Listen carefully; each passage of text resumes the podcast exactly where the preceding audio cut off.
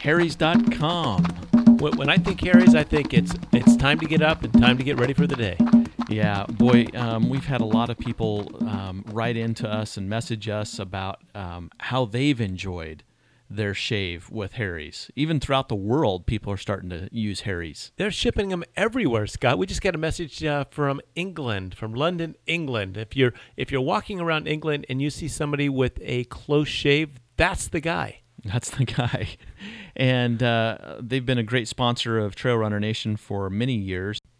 And they've been very good to our audience. If you go to harrys.com and enter the code TRN, you get a free trial set and a free post shave balm. All you do is pay shipping. So all I go is to Harry's site. .com, Yeah. harrys.com. And I put in TRN, and they're going to send me for three bucks, just the shipping. I get to try one of their razors. I get the handle, of course, mm-hmm. some shaving cream or gel, my choice, and some balm. I mean, the balm that we wake up for. The post shave balm, I would pay probably 10x just for the balm. You would pay every day thirty dollars to rub that balm. Pretty no, close. t- 10x for a bottle of it. okay, all right. But it, it is one of my favorite parts of the day. After I shave, put on that balm. It goes downhill after that. It goes downhill after that. That's the peak. By the time to go back to bed. Go to harrys.com and enter the code TRN. Boy, there are a lot of good articles in this month's uh, Ultra Running Magazine, Don. Mm-hmm. There's uh, one that you would probably find very interesting. It's it's about heat training. Uh, Dean Karnazes talks about how to run in an inferno.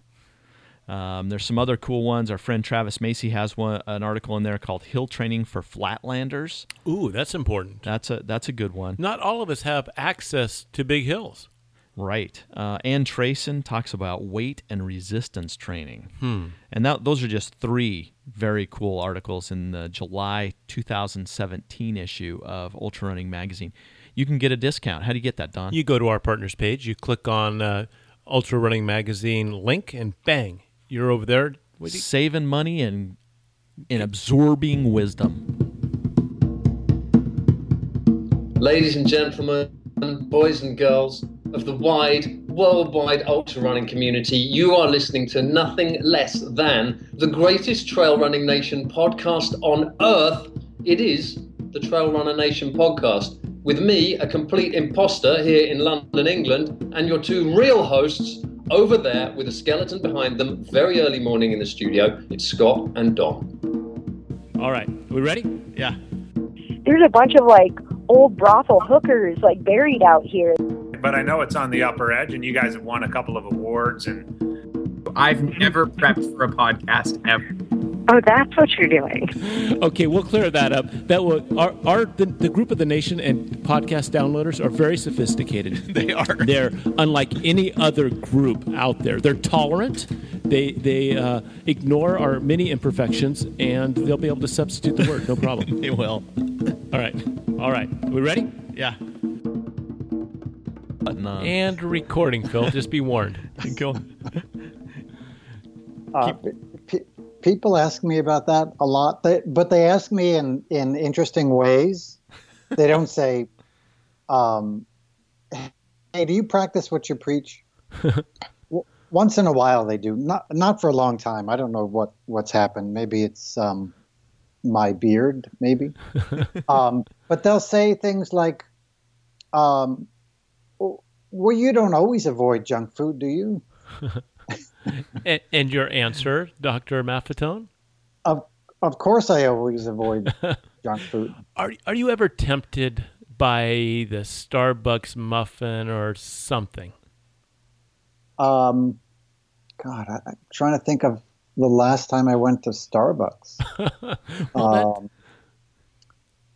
um, no, I, I'm actually not. Um, it really disgusts me. Um, but I have to say that that's a relatively recent um, feeling, uh, that disgust feeling. Um, I would say, um, gosh, I, I don't know, up until uh, 15 years ago, um, the temptation was was always there, and it would always be certain things, um, you know, uh, chocolate fudge or or um, I don't know.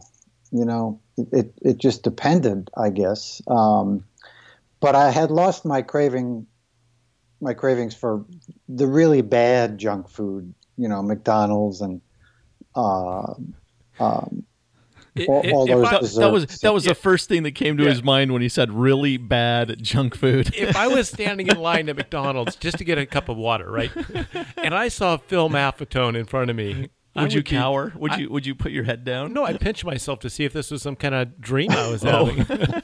Couldn't be real. So- yeah. Are, are you a sweet tooth guy or more- more of a, a, a fat, salty guy when it comes to, to cravings?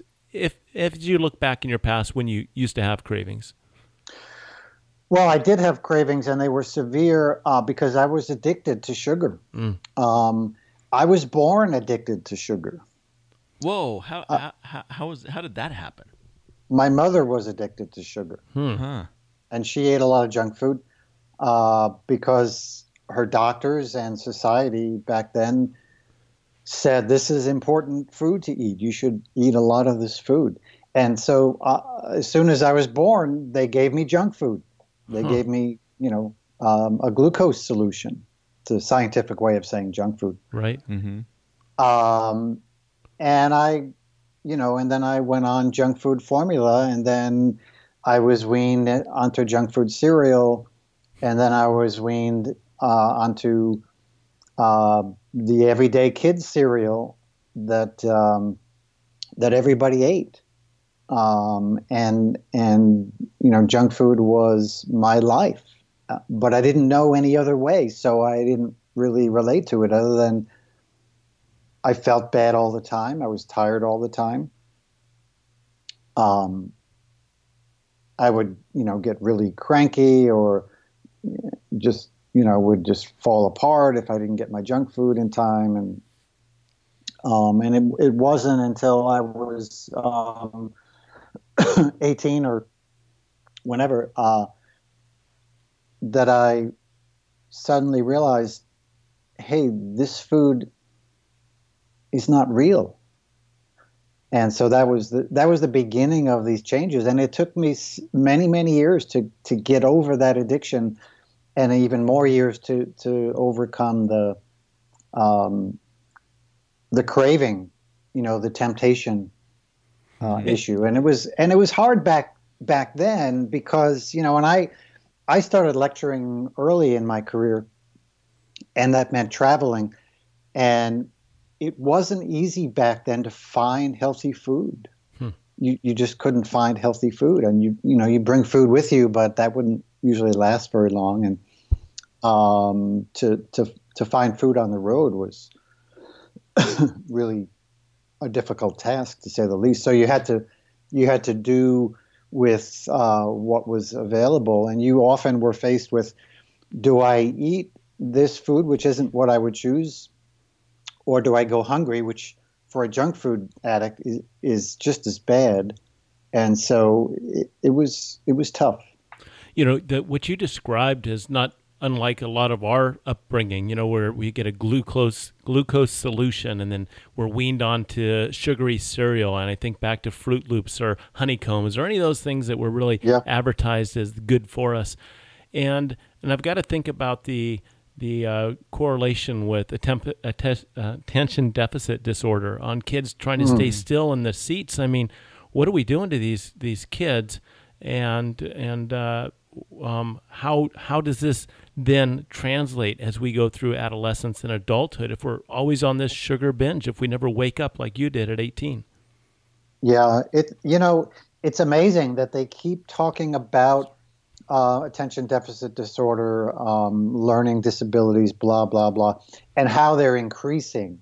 They keep talking about the obesity epidemic, um, you know, and now uh, with the the work that I've been doing with my colleagues, the overfat pandemic, and how it's increasing.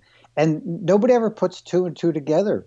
Uh, it's because the amount of junk food that is being consumed uh, is is um, is also rising, and the amount of athletes who are overfat is rising, and the amount of illness, chronic disease, for example, but also um, not just those those neurological uh, problems that we've called attention deficit disorder or learning disabilities or or whatnot, which I was I was I was there.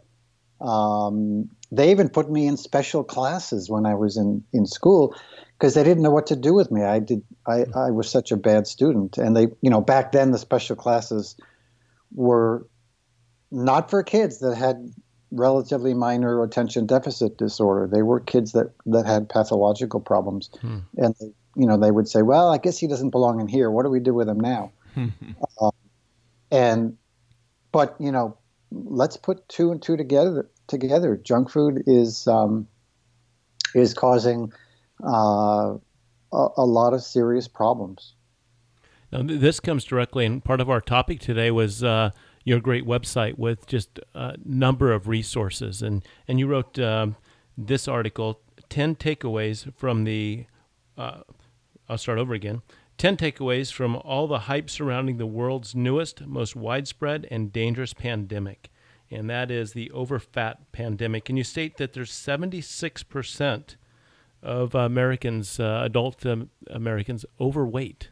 76%. It seems like a lot, doesn't it? Oh, I'm starting to wonder if with 76, I am wondering your definition. I might be, I might fit into that group.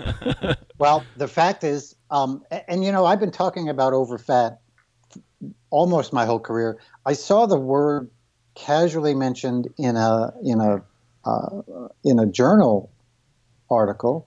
Um, they didn't define it, but it was the perfect word, and I started using it. Um, and and I've been I've been like I said using it my whole career, and I've written a lot about it, but I never never did the research and I, I finally did the research uh, with uh, Paul Laursen, my, my colleague uh, down in uh, New Zealand, uh, who's now back in Canada, just north of you, actually. Mm-hmm. Um, and uh, my research assistant, Ivan Rivera. Um, but I, I, thought, well, this, there's got to be a way to explain this, this overfat situation because it's not just about people who are overweight or obese. There are people who have uh, big bellies, for example, who are not classified as overweight or obese, but yet they have too much body fat. And this was quite evident to me early on in practice. People would come in and, uh, you know, they, they would brag about not being overweight, and yet, yet they had a lot of body fat. And um, so that research um, uh, ended up with this paper that you just quoted uh, that was published in the journal uh, Frontiers in Public Health, which is a huge journal. Um, and uh, they um, they did a press release, and it got huge attention all over the world. Uh, of course, we had that pie chart, uh, which you might um, put in your show notes, which every everybody in the media who I mean, there were a lot of media stories um, all over, and everybody published that pie chart, which shows you know how much of the world is overfat and you know the small percent that's normal fat uh, when you factor in the underfat people. Um, but you mentioned 76, and I asked you if you thought that was a lot. There's a follow up article to that study, which is um, I, I, believe just being accepted now by the same journal. We're, we're going back and forth with the reviewers and um, playing that uh, game. It's an important one, but um, what we're showing is that developed countries are showing levels of overfat in adults up to 90%. Wow. Well, what about fat we can't see? You know, inside of us, we can carry around some belly fat, not that that hangs over our belt line, but how about around the internal organs more than is necessary or su- sufficient for our needs?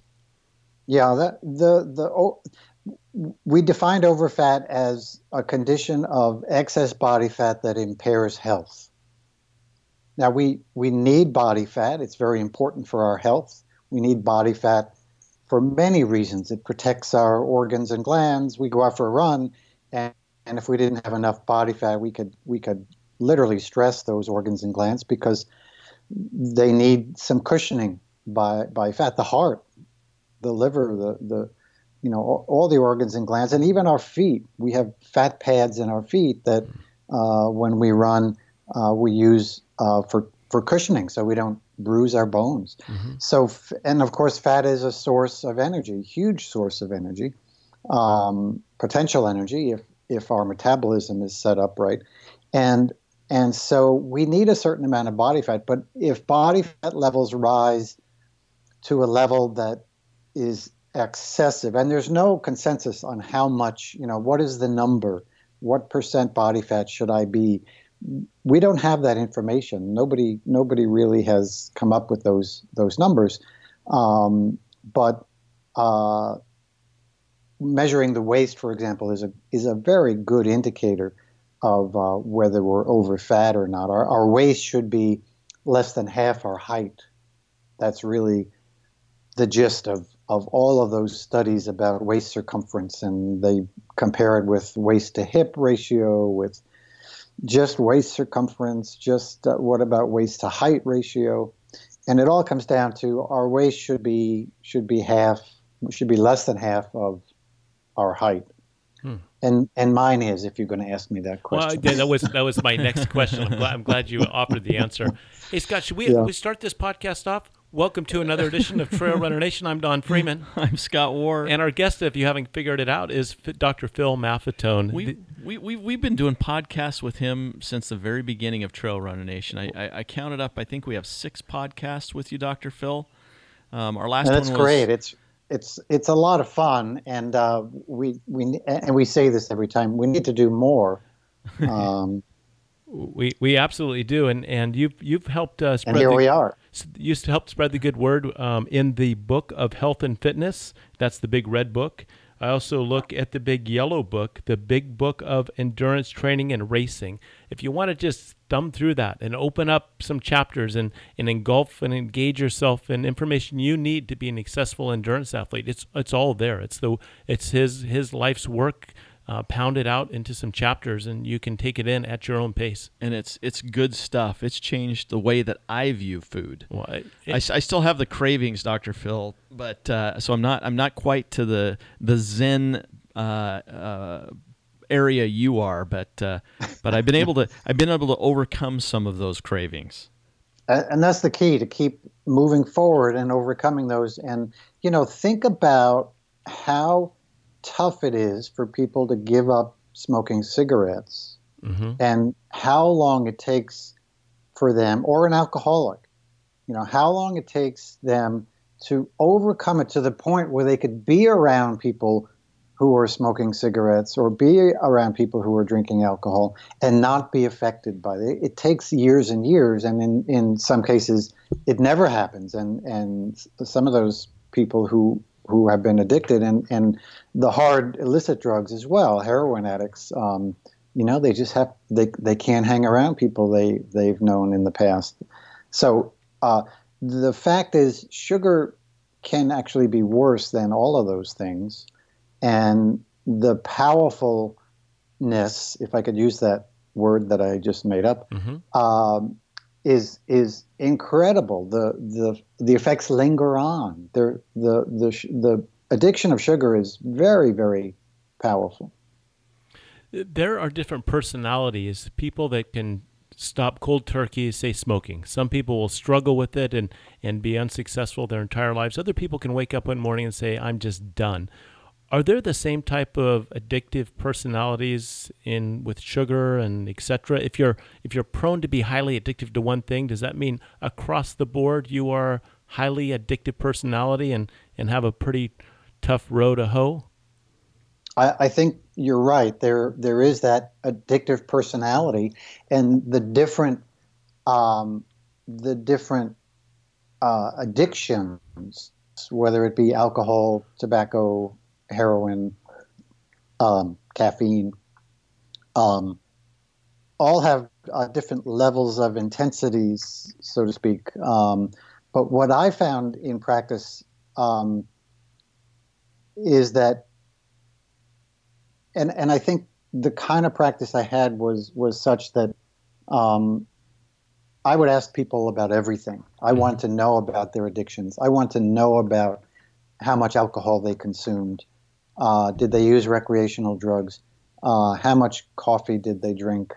Um, et cetera, et cetera. And there were there were a lot of very interesting. You know, I, I, I my clinic was in the New York City suburbs, so I had a I had a wide range of of um, of people from different backgrounds and uh, and different addictions. And um, what I learned was the hard way was that um, there was a priority uh, in this ad- addictive game. Um, you you could uh, you know, and people don't see it that way. People look at uh, tobacco addiction as you know you're addicted to tobacco. They looked at uh, alcohol addiction as a separate um, addiction. Well, they're all tied together because the nervous system responds to these addictions, and um, and some of them are more important than others. And what I found uh, was that if we could get people off sugar, then getting them off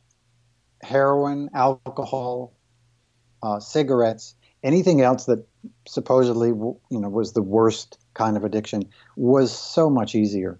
Hmm. You start so with I- I sugar. You start with sugar. So I saw the sugar as a priority, as as a primary addiction, and when that's gone, the secondary addictions then become a lot easier. So then, then it's a lot easier to wake up and say, okay, now I now I'm ready to give up cigarettes, and it, and it can be done a lot easier. But I think there are some people who find it's easier to go cold turkey than others. Um, I, I developed uh, what you know is the two week test, which allows people. I, I didn't want to just say to people, stop eating sugar. Um, for one thing, in the beginning, they, they laughed at me um, because they ate so much sugar. But I wanted them to feel what it was like to be without sugar. So I developed this thing called the two week test where people were without sugar for two weeks. You know, what do I feel like over this two week period? And, and many of them uh, had similar responses. Well, the first day or two, I felt horrible. Uh, and then by the third day, I, you know, my energy started coming back. My intestinal bloating started to get better. I started, you know, but and after the first week, I wasn't depressed anymore. I was sleeping better. I had seemingly more energy than I've had since I was 16. Uh, blah blah blah. And so it it it gave people uh, uh, the experience of of living without sugar. Um, and and so I used the two week test quite often uh, to help people get off uh, sugar. A sugar detox. and and and A that sugar detox. that that two week uh, um, um, trial is you can look at that at uh, philmaffetone.com. That's all there, as well as a lot of these really really good articles. Uh, Dr. Maffetone, talk to us about the different types of sugars. And you know, there's there's uh, um, sucrose, there's fructose, there's carbs. Talk to us about how our body reacts and uses these different types of sugars, and should we avoid all of them together, or are there some that are better? Honey, natural honey. Yeah, there's natural sugars in in in uh, in in nature, um, and then there's uh, there's added sugars in food. Uh, most of the foods that most packaged foods out there have added sugars. Um, one of the papers I'm writing uh, now, I, I talk about the the influence of sugar on over fat versus exercise, and sugar has a much more powerful than exercise uh, by far. But uh, there was a study where they they they measured the amount of sugar in uh, in baby food, and uh, a lot of the a lot of the infant formulas and things that uh, are sold in stores, and they they actually measured the amount of sugar, and it was very different than what the label said. In fact, there was there, there were some yogurts, these kids yogurts, that had um, a huge amount of added sugar that wasn't even listed on the label.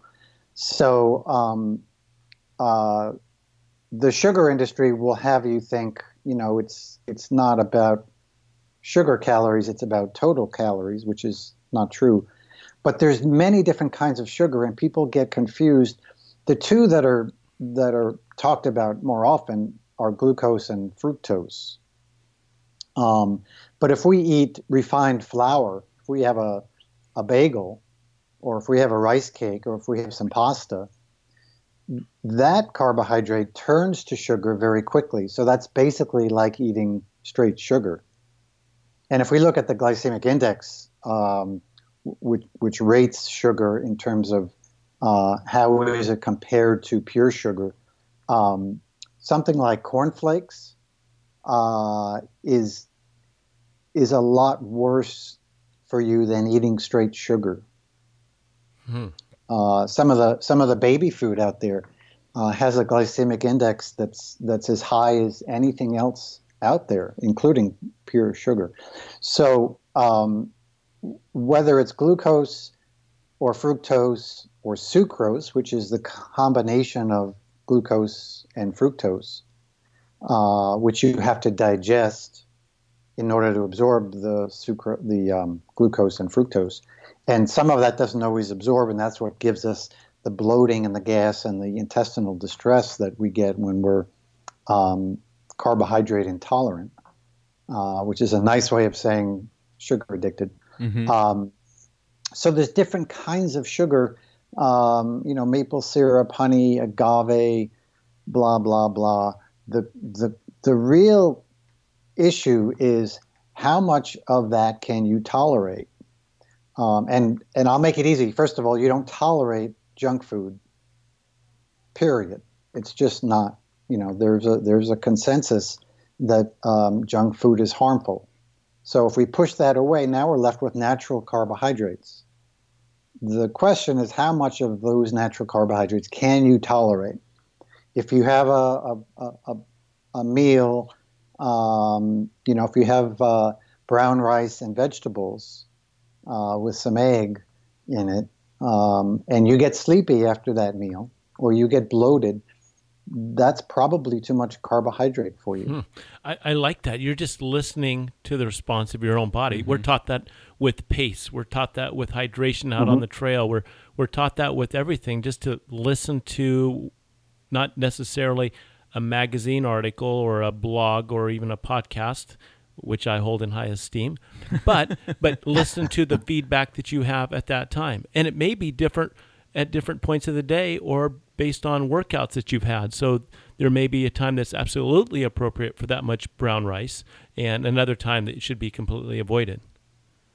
Yes, and and it it's it's how I've approached um, practice and how I've approached working with athletes from the beginning. I, I, didn't give schedules, training schedules. I didn't give diets.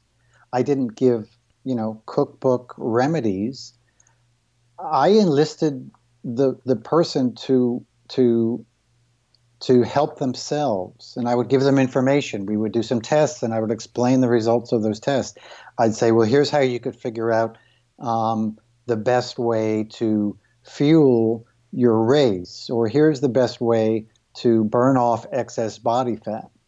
And and I've been doing that, you know, since. And in the technology age, I now call it user managed health and fitness because somebody's sitting in front of their computer computer or their their uh, mobile phone and um, punching in uh, keying in some things and, and getting information back. They're now a user, and but they're still managing their health and fitness, and that's um, that's a very important thing. We're in a cookbook society. Everybody wants to know, uh, you know, what how do you run a marathon? Give me the give me the three steps.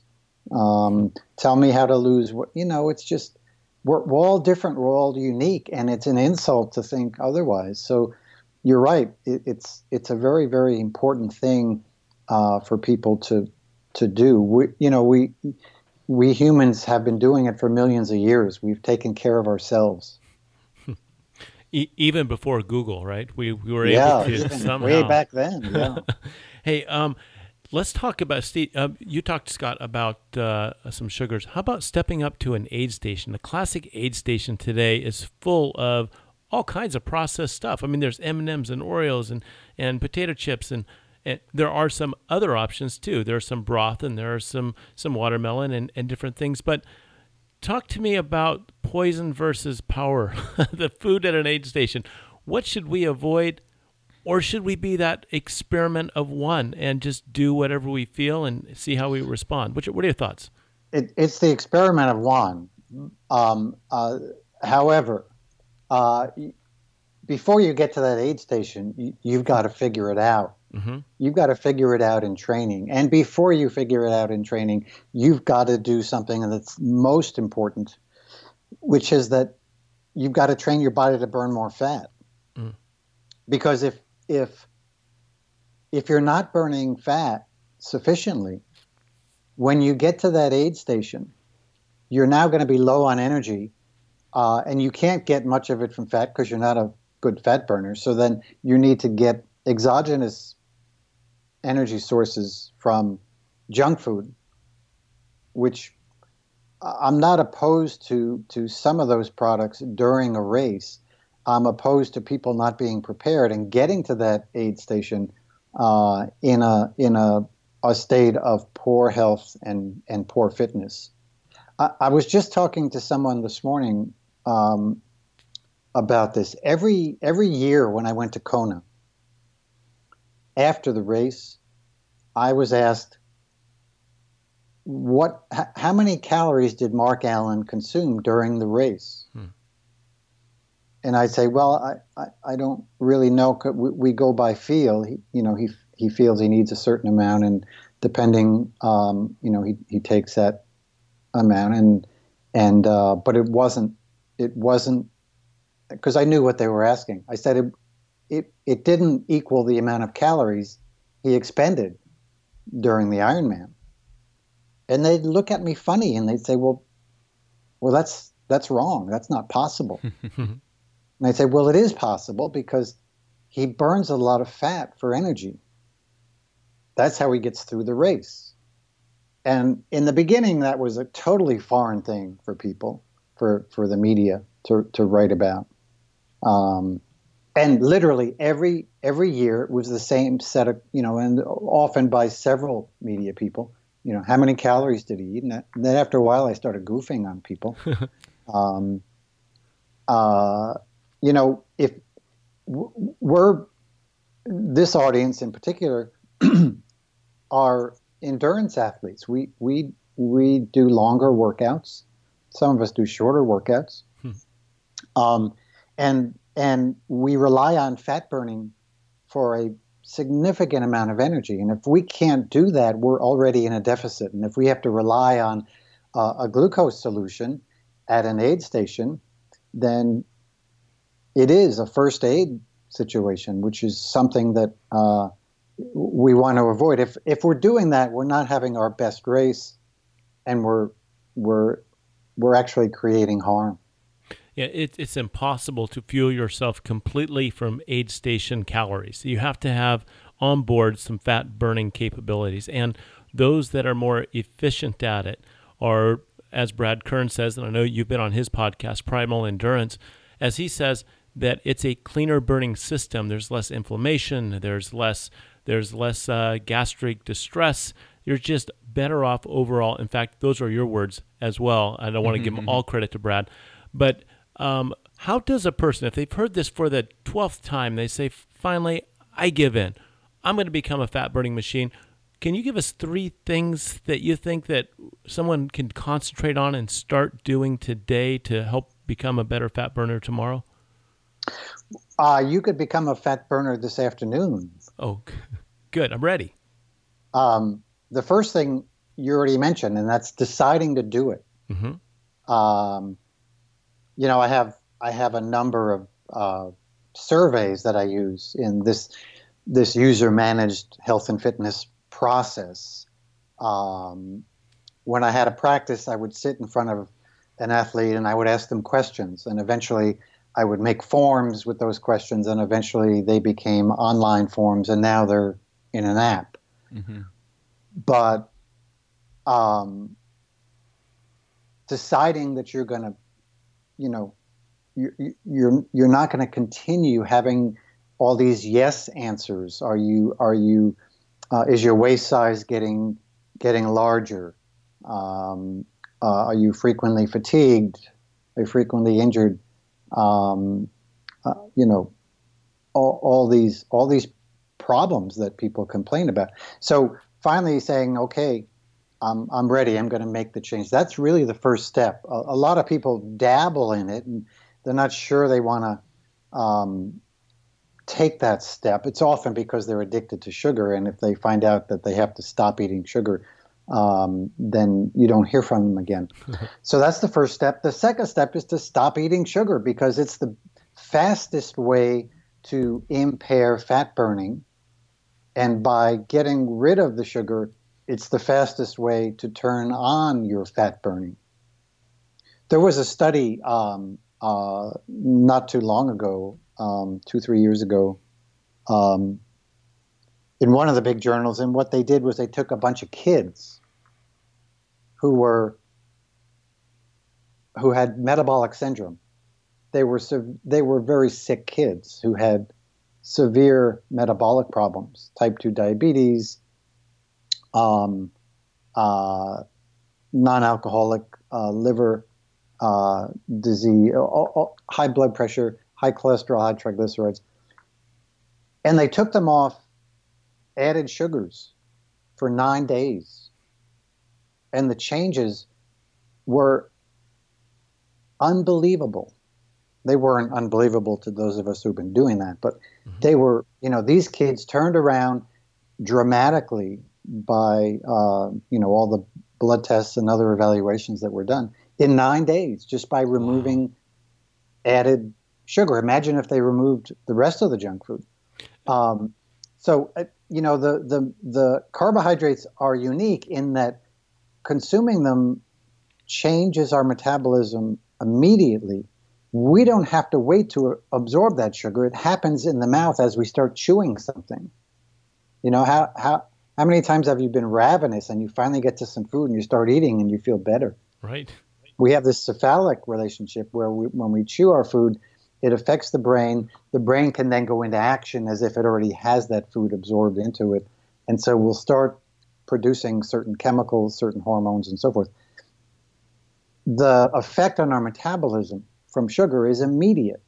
So it's a good place to start when we're trying to clean up our diet. So getting rid of sugar will improve fat burning um, after the second meal literally. It's called the second meal effect, where the metabolism stabilizes. Because if we eat sugar at breakfast um, and at lunchtime we decide, I'm, I'm not going to eat sugar anymore, I'm going to eat healthy food. And I've had so many people tell me this, and they have this great meal. They have a, I don't know what, a salad with, with salmon and olive oil and and uh, no dessert, no bread, and they feel terrible. Well, that meal is responding to the foods within that meal. It's also responding to the previous meal, which was full of sugar. So um, it takes two meals to, to make that change. Uh, the third thing that people can do is develop their aerobic system. Because when we talk about fat burning, we have to look at where is this fat burned? And what do we mean by burning it? Well, we take fat and convert it into energy. Just think of a steam engine. You know, you're shoveling coal in there or throwing logs in there, and those logs burn, produce heat, and it boils the water and generates steam, and the steam engine can go farther, faster uh, on that on that energy. Well, that's what the aerobic, what what's called the slow twitch muscle fibers, um, do. They they convert fat to energy and they power us through a slow, easy run, which may or may not be slow. You know, it's all relative. Six minute pace might be slow um, for some people. Um, the you know for us mortals it's it's um, it's a lot slower. But it's it's those aerobic muscle fibers that burn fat and they not only power us but they protect our joints they protect our soft tissue they um, provide immune function support they increase circulation throughout the body. There's so many things and without fat burning and without training that aerobic system uh, all those all those great benefits, um, including fat burning, don't don't happen very well. And and the diet plays a primary role. So if you're training your aerobic system correctly, and you've uh, you've determined through a metabolic test, or you've looked at the 180 formula, and you've you said, okay, my optimal training heart rate is 140. Um, even if you're strict with that, but you're eating junk food, it's not going to work. Hmm. You know, you've been you've been saying this for a long time, since the beginning of your practice, when nobody was listening. How does it feel to have the community catching up to your message? Must it must be satisfying? Um, good good question. Um, people don't usually ask me that. Um, they usually say, "We know we know sugar impairs fat burning." um, yeah, it was tough. It was. I've had people walk out of lectures. Um, uh, I remember I, I, was lecturing to the, I think the New York City Marathon uh, group uh, in this big lecture hall, and I was talking about some things, and this this woman gets up in the middle of of, of a sentence, hmm. and she yells out something like, "Don't listen to a thing he says. Everybody knows that sugar is important." Blah blah. And she stormed out, slammed the door. Everybody hmm. laughed. Hmm. Um, but the the you know the rage, um, the social rage, if you will, uh, about uh, sugar being bad. Um, you know, we we just there was just a lot of these things we knew about, um, they weren't very popular. We knew that the government was in bed with the lobbyists of the sugar industry. We knew that, but we never could prove it, or nobody nobody cared to prove it. It was just obvious to some of us who who um, knew what was going on. And then um, I I think it was I don't know two or three years ago there was an article in the in one of the big papers. Somebody's I, I, don't ever read the newspapers, but people send me these things. Um, I think it was in the New York Times talking about uh, Coca-Cola and the lobbyists and how they're influencing people who write studies in the medical hmm. journals. Um, how boring, you know? I mean, we knew that in the 70s.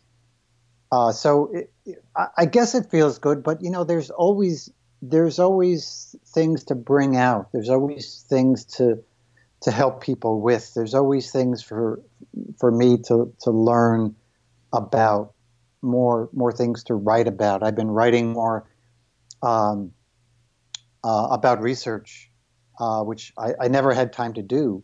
Uh, not that I have time to do it now, but uh, there's just there's just so much to learn still, uh, so many new things to uncover uh, and you know, it, it's it's it's never ending because the industry is changing as well. The industry knows, the, for example, the sugar industry knows what's going on. They do surveys. They they know where things are headed, and they're diversifying. They're reformulating. They're um, replacing products with other junk food products, but they're creating, you know, a, a new image. There's you know, we talk about junk food. A lot of people don't even know what junk food is. And that's because there's new junk food on a regular basis. so people will be in in Whole Foods. I guess it's going to be called Whole Amazon now. um, uh, they're going to be in, in Whole Foods and they're going to see this packaged product that says, you know, natural, new, natural, improved, whatever. Organic. Uh, organic, of course. It's going to be certified organic. Yeah and it's going to be junk food and they're not going to recognize it as junk food because they've never seen it before and they're convinced because they're in whole foods and the package is cute and the name is nice um, that it can't be junk food. But the fact is that it, it, it's the new and improved junk food, organic junk food that um, is coming to a, a, store near you. I imagine if you can't uh, read it on the label and there's uh, a, couple paragraphs describing what's in it, it's probably junk food. Yeah, a couple of paragraphs would, would do it. A, a couple of sentences would, would do it. I I I, I went to um, a store um, uh, recently. I occasionally go to stores to buy some staples, I call them. If I if I don't grow it, I usually don't want it. But um, things like um, extra virgin olive oil and um, uh, avocados, I just can't grow avocados. You you can grow them out there, I'm sure. Mm-hmm. Um, um, I do grow artichokes here, uh, and I know you have a lot of those. But you know, I bought um, I bought uh, a package, the only package I bought uh, of of uh, coconut, you know, shredded coconut. Um, I, I've just I'm always discovering new snacks and things.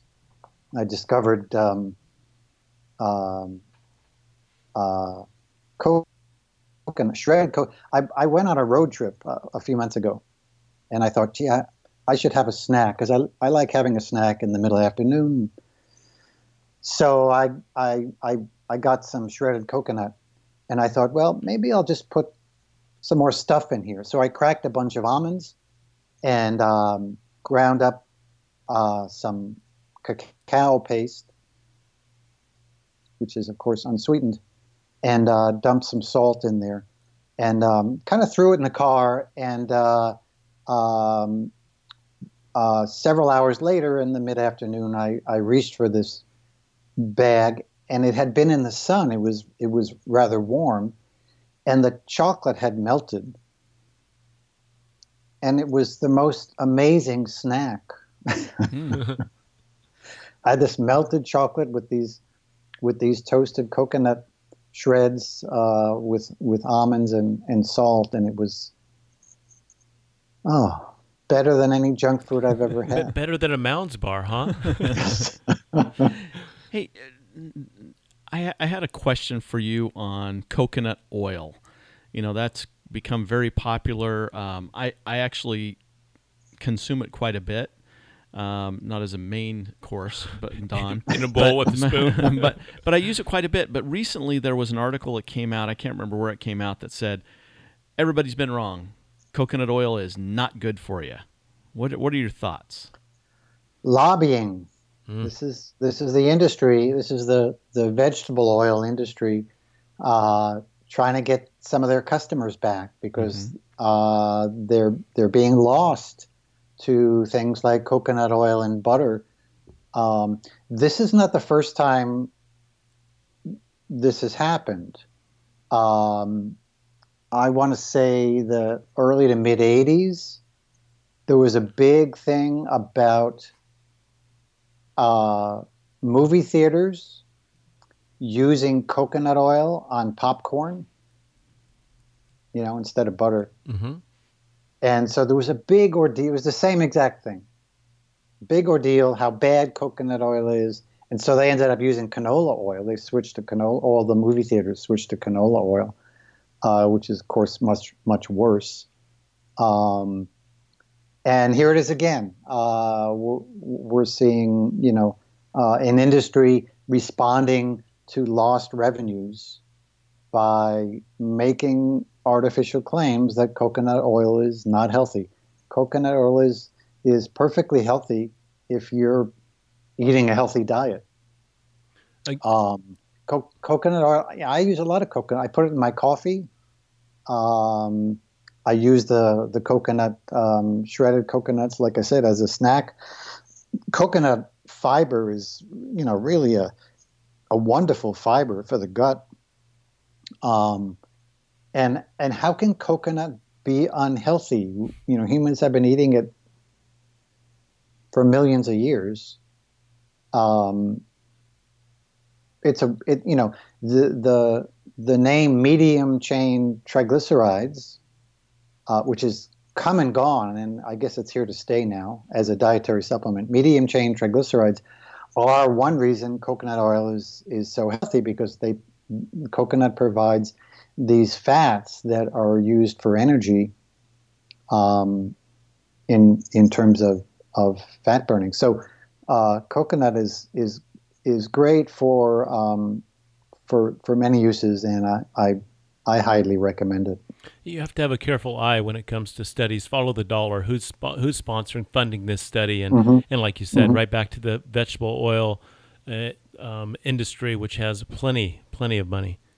Hey, Yes. go ahead, Scott. And then I'm ready to switch uh, switch well, a gear. uh, no, that's what I was going to do. Okay, go ahead. You know, we were talking before the podcast um, about recently. Well, you wrote a book. I think oh, oh, it's been a while ago. We did a uh, a podcast with you on it, the 159 marathon that you said is is coming close, and and recently Nike put on this big uh, production uh, on the internet where they had three of the, the the the most fit marathoners go out and they they put them on a track in perfect conditions and trained and had these pace cars and pacers with them and to try to see if they could break that that two hour marathon and unfortunately it, it was not successful they came pretty close but it wasn't successful or, or if you're on the clock side, maybe you're rooting for the clock. Maybe you're happy they didn't make it. I don't oh, know. I think all of us are waiting for that 159. Yeah, you're right. What What are your thoughts on that? And where are, are we closer than we've ever been? Or and, and and do you have different thoughts? Is it can it be done? Well, there are two different two different questions. One is about the the Nike scam. I mean, the Nike event. let's talk. Let's talk about the Nike scam. I want to hear your opinion on that. Uh, We- uh, I'm I'm no doubt they're going to get some advertising awards for this for this uh-huh. uh, for this event. Um, this was this was sad. This was really sad. This was a way to cheapen uh, uh, the profession of of ultra marathoning and marathoning and all, all runners who are out there, um, you know, getting through races, working hard. Uh, this was this was um, this was a sad event. Um, I mean, I, I, I don't know. I, I, I can't say much more than that, other than it was a sad event. It was a scam, um, and I'm glad um, um, he didn't he didn't break the two hour mark. Um, no doubt they're going to try it again. Nike's glad he didn't break it because this now gives them another time, another build up to a, a, a second event um, that they can try to sell a lot of shoes from. Um, uh, you know, the the the International Athletic uh, Federation, the body that that makes the rules, and you know they they've done a pretty good job, although they still haven't qualified the Boston Marathon as record eligible. Um, and by the way, I just finished uh, a study about that. Um, I, I wondered why there had never been a scientific study that shows that Boston should be record eligible. Uh, well, again, I had some colleagues. Um, there were three others uh, who looked at the numbers, and what we found, we found a, a, a number of things. And and this is not published yet, so you can't publish it, but but you can you can um, you can release it in a podcast, but you can't publish it in your notes. Um, That's that message to you, Yep, Scott it- War. Uh, Yes, my, my uh, pen, I put my pen down. uh, we found a number of things. One, um, and um, I'll, I'll get back to the to the to your question. The um, the one thing we found was that the Berlin and the London marathons were an unfair advantage to to marathon runners because they had faster courses. Hmm. Um, we didn't find that Boston had an unfair advantage. We found that the weather could produce an unfair advantage on any given day in any course. And what we found, which which has not been shown, but and it really wasn't a surprise either, was that marathon elite marathon times are improving on average of one percent a year. And th- there are actually scientists who say we've progressed as much as we can in sports in terms of human performance. We're not going to get any better. We're stuck here now. And that's the most absurd thing I've ever heard. But there are people who who um, have shown that. And so when you look at when are we going to break the two-hour marathon mark? Well, we're we're getting there at on average improving time in improvement in times at, at, of one percent a year. Um, and I'd have to go back to so we we looked at data that went through 2014, uh, if I remember right. I, I, could be off by a year either way. Um, so how much have we changed since then until today? That's how much improvement there is in marathon times or will be, uh, and so it's it's just a matter of time. I I, I think um, um, there's nothing I'd like to see more than than someone running Berlin or London or any official course that even Boston that results in a 159.59. I think all the tools are there. I think we have the abilities. Athletes just need to get healthier. And if they could take off their shoes, it would be a lot easier. Hmm. And there's nothing I'd like more to see an athlete run 159 barefoot. It, somewhat cheapens it, I think, and cheats the accomplishment of putting it on a track and and uh, putting a pace car and a laser line to follow and you know uh, all, all, the advantages that were there. It's amazing. I don't i i i looked at some uh, a scientific article about the the drafting um, the devices they had uh, for um, for wind currents and things. And it was very technical but i i, I kind of struggled through it. And it was really uh, you know, it wasn't Nike. They hired some people to to create this situation, but it was really kind of well done from a scientific standpoint um, as an experiment. But you know, when it becomes a sporting event, yes, it it it, it was cheapened significantly. And I think unfair to to uh, the athlete that that finally breaks it in Berlin or London that it's already been done before in a lab. Do, yeah. do, you, do you think we'll yes. recognize that as a true sub two hour marathon when it happens, or will, will we just as a collective, as a as a group, as a community, say, ah, that was done in a lab? Yeah, they'll they'll know. Everybody will know it was done in a lab. It was done uh, in a in a. It, it was cheating. Everybody will know that, but everybody's used to cheating in sports. and so this is just another cheating event. Um, and it will, unfortunately, take away from whoever runs 159 in Berlin or London or wherever. Um, but it, it's going to happen naturally. Um, it will happen naturally, and it, it can happen um, um, soon. Um, I thought it would ha- it would have possibly happened by now,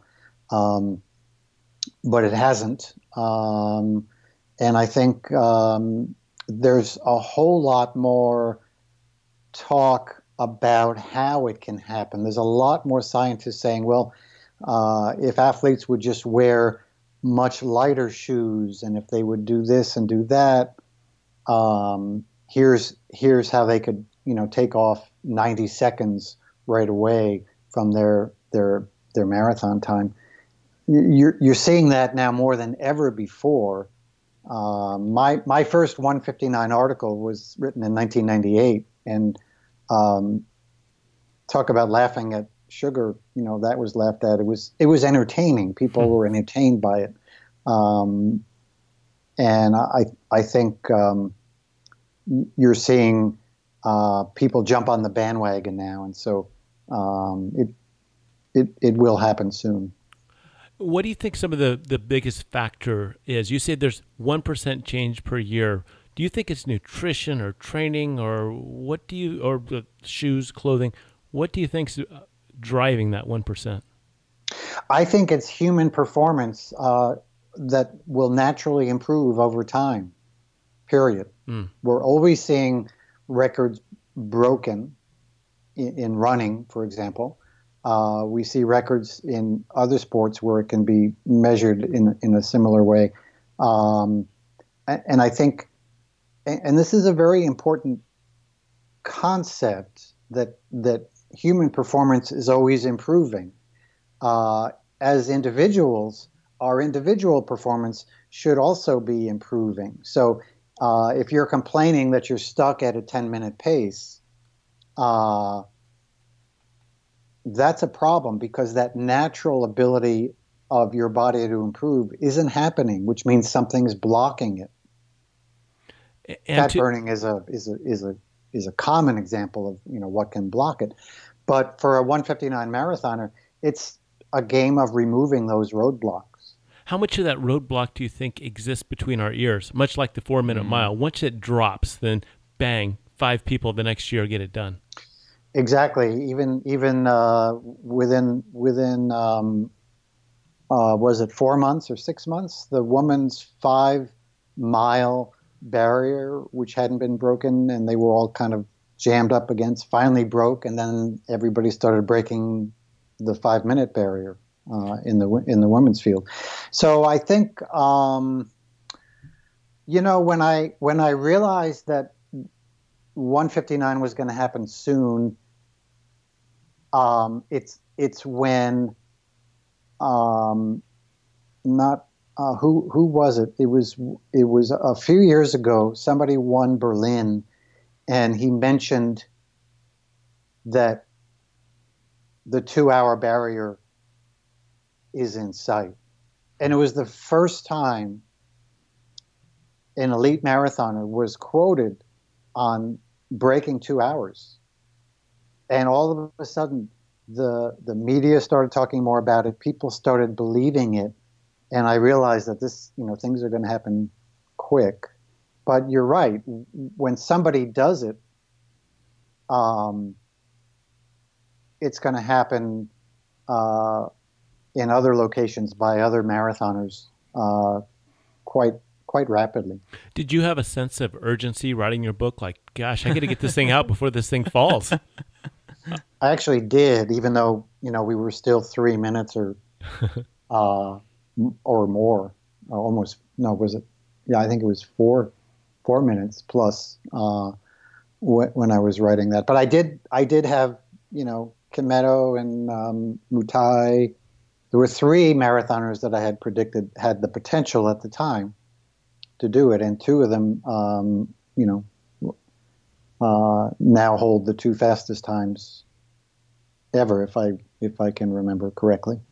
I guess if there's a common thread in all these topics, it's so much of of what we do and how we perform and what we choose to eat and how we feel is right up between our ears, and we drive those choices by by uh, selecting what we put in our mouth and how we train and and our expectations and goals for ourselves. It's there's really quite a, a mental piece to performance. And, and It, it's a it's a excuse me, Scott. It's a, it, it's an important point, but that mental emotional component of, of the human brain, as important as it is, will not cooperate if we're addicted to sugar, for example, or if we're eating bad fats. The brain is mostly fat, so uh, if if we throw bad fats in there, those mental emotional processes don't work well. And you can think positive thoughts all you want, but if you're not a good fat burner, you're not going to run a, a, a, a good race. Yeah. Well, I, I think it's also important to know that, you know, when I first started running, I thought, I'm going to go run. I, I had some goals out there, but I want to go run so that I can eat whatever I want. and, and, and as I get more into this, and as we learn from Dr. Phil and, and some of the others, that it's it's a well-rounded. There's many cogs in this work. If you want to be a a well-rounded athlete or even a healthy human being, it there's there's nutrition, there's exercise, there's there's uh, optimizing your your aerobic system, optimizing your uh, energy burning systems. There's there's just a lot of cogs in the in the formula. I, I go ahead, Phil. Yeah, and you know, I'm I'm I'm I'm doing, oh, gosh, I'm doing a lot of research stuff. I'm doing another paper on um, this issue about overfat and the influence of exercise and diet. And um, in the U.S., the the rates of exercise, the the rates of uh, the, the numbers of people who are exercising now are very high compared to to um, 15, 20 years ago. And as those numbers have climbed, the obesity pandemic has also climbed. So if we're exercising more, how can we still have a overfat epidemic? Well, it's because the diet um, can override all the training you're doing, whether it's good or not. And um, recently, um, there was a, a, a paper published. Uh, Tim Noakes uh, was one of the authors, um, Steve Phinney, and now I can't remember the, the lead author, I'm sorry. Um, but their title was something like "You Can't Run Away from a Bad Diet." Hmm. It was a very it was a very good uh, um, very good title. Uh, and you, Scott, you're right. when when early in my career, um, as the running boom was booming, uh, I saw a lot of runners, and that was the thing.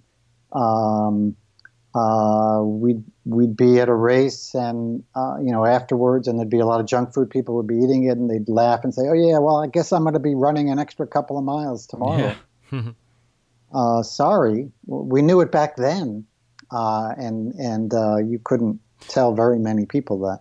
Yeah, that's like smoking a cigarette after running. Go, I guess I'll run an extra mile tomorrow. It's like, no, no, that doesn't work at all. I'm sorry. I don't know if you read my article on smoking and running, but uh, um, I wrote I wrote an article it was a couple of years ago on. I just thought, well, gee, how many smokers, how many how many runners actually smoke cigarettes? And there was actually a study, the Copenhagen Heart Study, where they they looked at um, a lot of lifestyle factors. Uh, they it was a very large a study with a lot of a lot of people, and I don't remember the numbers, but it was very very high. And they they asked about cigarette smoking. They asked about running. Well, as it turned out, I think it was 12% of the runners smoked cigarettes. Wow. Including some of the ones that were, were competing. That, that's surprisingly high. Would you rather see a person with a well rounded, a diet that's dialed in as prescribed on your website at philmaffetone.com or and, and sedentary? Perfect diet sedentary versus an extreme diet that doesn't follow any any pattern and an athlete a runner. Oh which, that's easy. Yeah which one? It's easy it's the Sed- first one sedentary yeah. sedentary yeah, I'd rather, you know it, it was not uncommon for me to say to a patient uh, who would come in just completely trashed, and they would proudly tell me how they got off the couch three years earlier and they started running, typically running. You know, the running boom was, there were hardly any cyclists back then. Hardly, you know, triathlon was just getting off the ground. Um, so most of the people I saw, especially in the beginning, were runners. Um, you know, I got off the couch, I started running, I worked really hard, and then I said, and here you are today on the verge of death. Huh. And I said, you would have been better off staying as a couch potato. Hmm. The things, you know, the things we do to our bodies in the name of sports.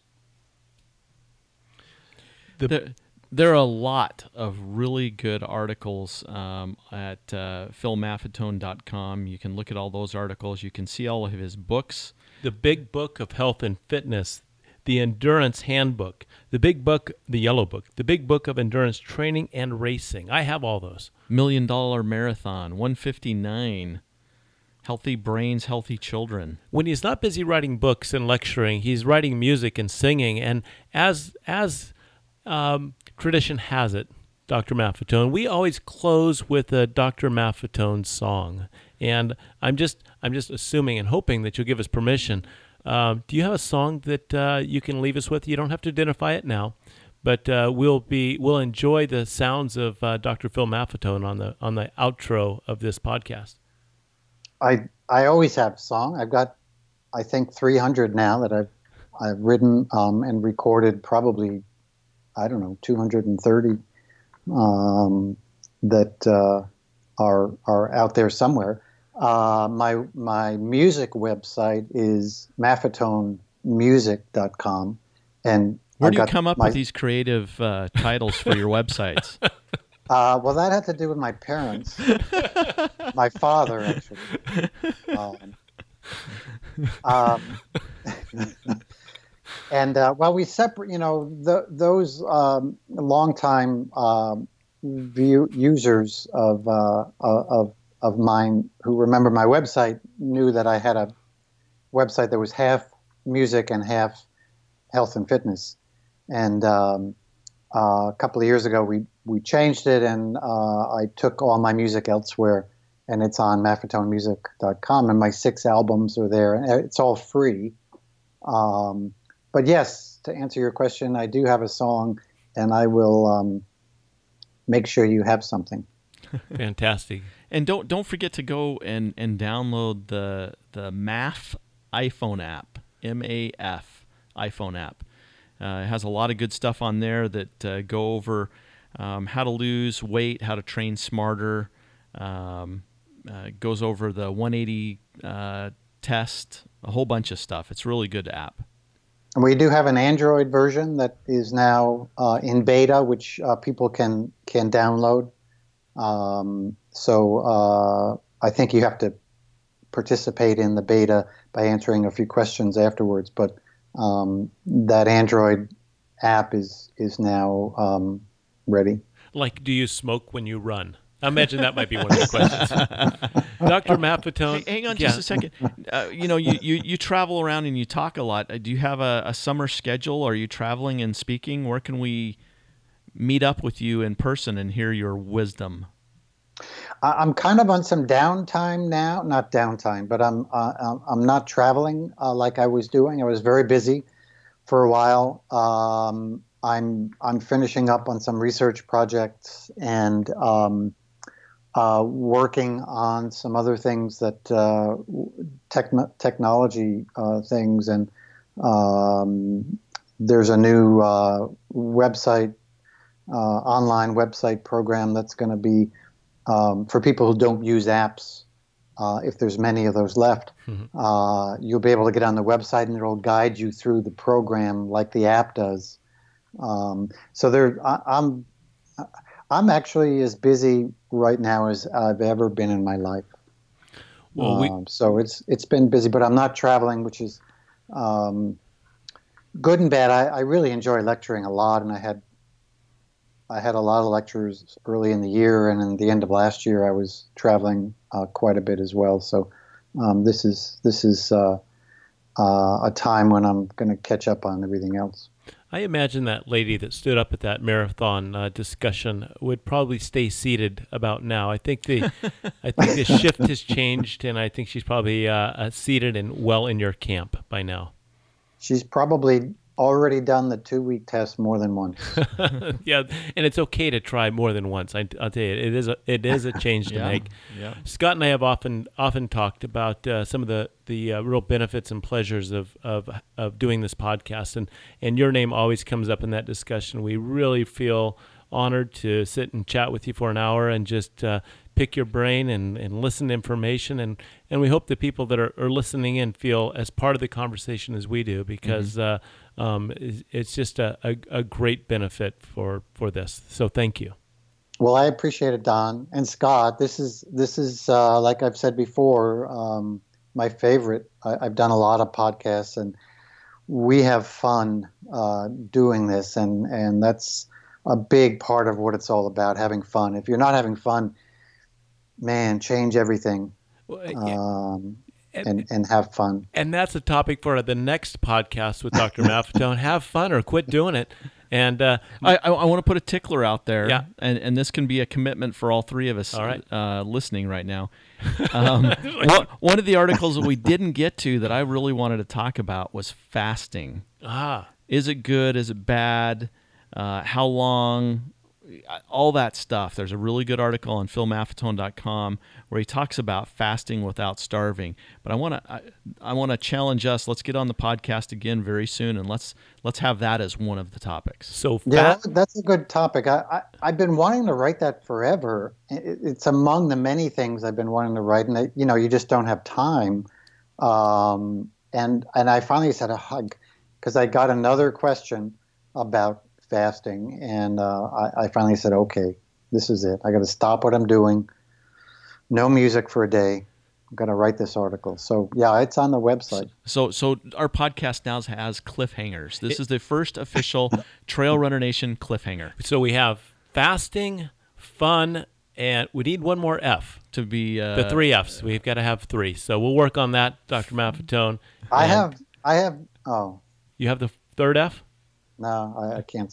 Uh, So go out and run. it's under fun. it's under fun. Dr. Maffetone, as always, Thank so you so much. Thanks, guys.